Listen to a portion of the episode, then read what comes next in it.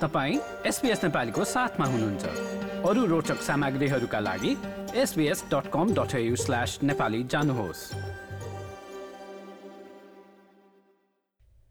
हाल पर्थमा जारी सातौं इन्डियन ओसन कन्फरेन्समा भाग लिन नेपालका परराष्ट्र मन्त्री नारायण प्रकाश साउद सहितको प्रतिनिधिमण्डल अस्ट्रेलिया आएको छ र यसैबीच नेपाल र अस्ट्रेलिया बीच व्यापार र लगानी सम्बन्धी ट्रेड एन्ड इन्भेस्टमेन्ट फ्रेमवर्क्स अग्रिमेन्टमा दुई देशले हस्ताक्षर गरेका छन्। यसले नेपाल र अस्ट्रेलिया बीचको सम्बन्धमा कस्तो अर्थ राख्छ भन्ने बारे सम्मेलन स्थलबाट अस्ट्रेलियन सहायक विदेश मन्त्री टिम वाट्सले एसपीएस नेपालीसँग गरेको कुराकानी सुन्नुहोस्।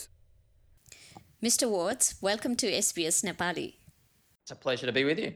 Let me start by asking how has your day been so far?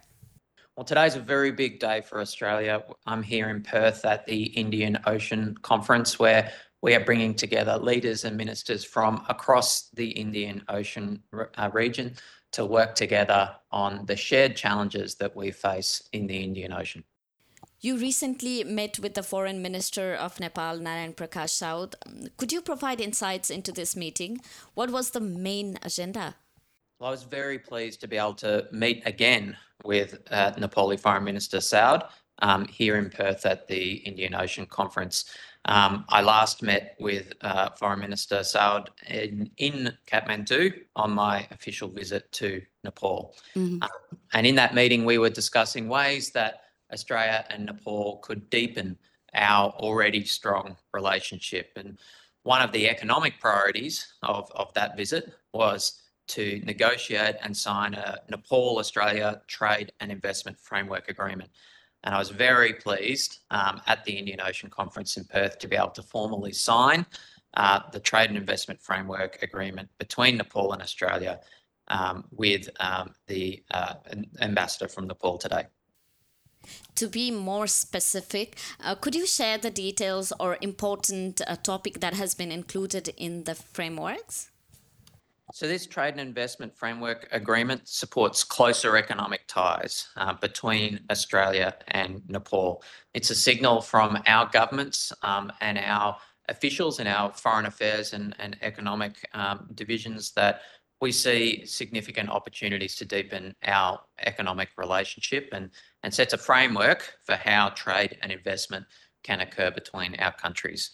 Um, there, is already a very substantial platform for that relationship in Australia in the form of our fastest growing uh, diaspora community, uh, the Australian Nepali community.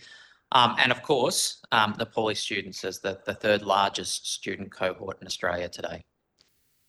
Does this agreement include uh, pathways for non resident Nepalese to invest in Nepal too? Well, I, I always see people to people connections as the foundation for any economic relationship between two countries. You know, it's it's an important thing that governments can sign agreements like this trade and investment framework. Um, but at the end of the day, it's people that make those decisions to trade um, and to make investments in each other's countries. And so we, can see already the, close relationships between people from Australia and Nepal um, and the, the cross-border flows of people that we see. Um, and that's a really valuable foundation to deepen our economic relationships. Bilateral relations often signify mutual growth. How will this agreement benefit Australia, though? Well, we like to say that Australia's foreign policy begins with our identity, begins with who we are. Um, Australia is a country where half of us are either born overseas or have a parent born overseas, and this connects us directly with the, the rest of the world. Um, this is a really significant economic opportunity for us to deepen our relationships um, between Australia and Nepal. Um, and this uh, trade and investment framework agreement sets a signal from both of our governments about the opportunities that there are between our countries. Mm-hmm. The theme for this year's conference is towards a stable and sustainable Indian Ocean, right? So, how do you foresee Nepal's participation contributing to this theme?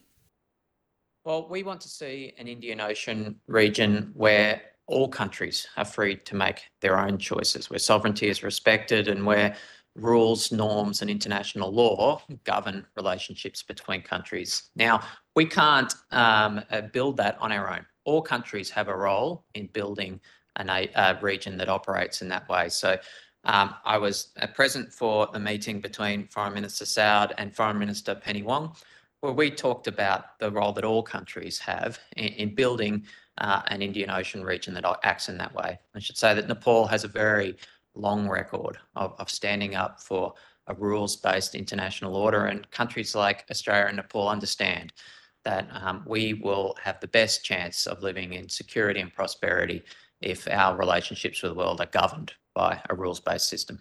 Mm-hmm. Expanding on the topic of bilateral relations, uh, let's look into recent developments between Nepal and Australia. This marks the second significant meeting you have had with high level Nepali officials.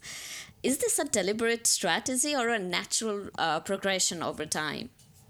Well, Australia is lifting our engagement with South Asia and the Indian Ocean region across the board. Um, uh, my view was that uh, in the past we we haven't invested enough uh, uh, time and effort in our relationship, and that's what my visit to Nepal was intended to signal that we were engaging.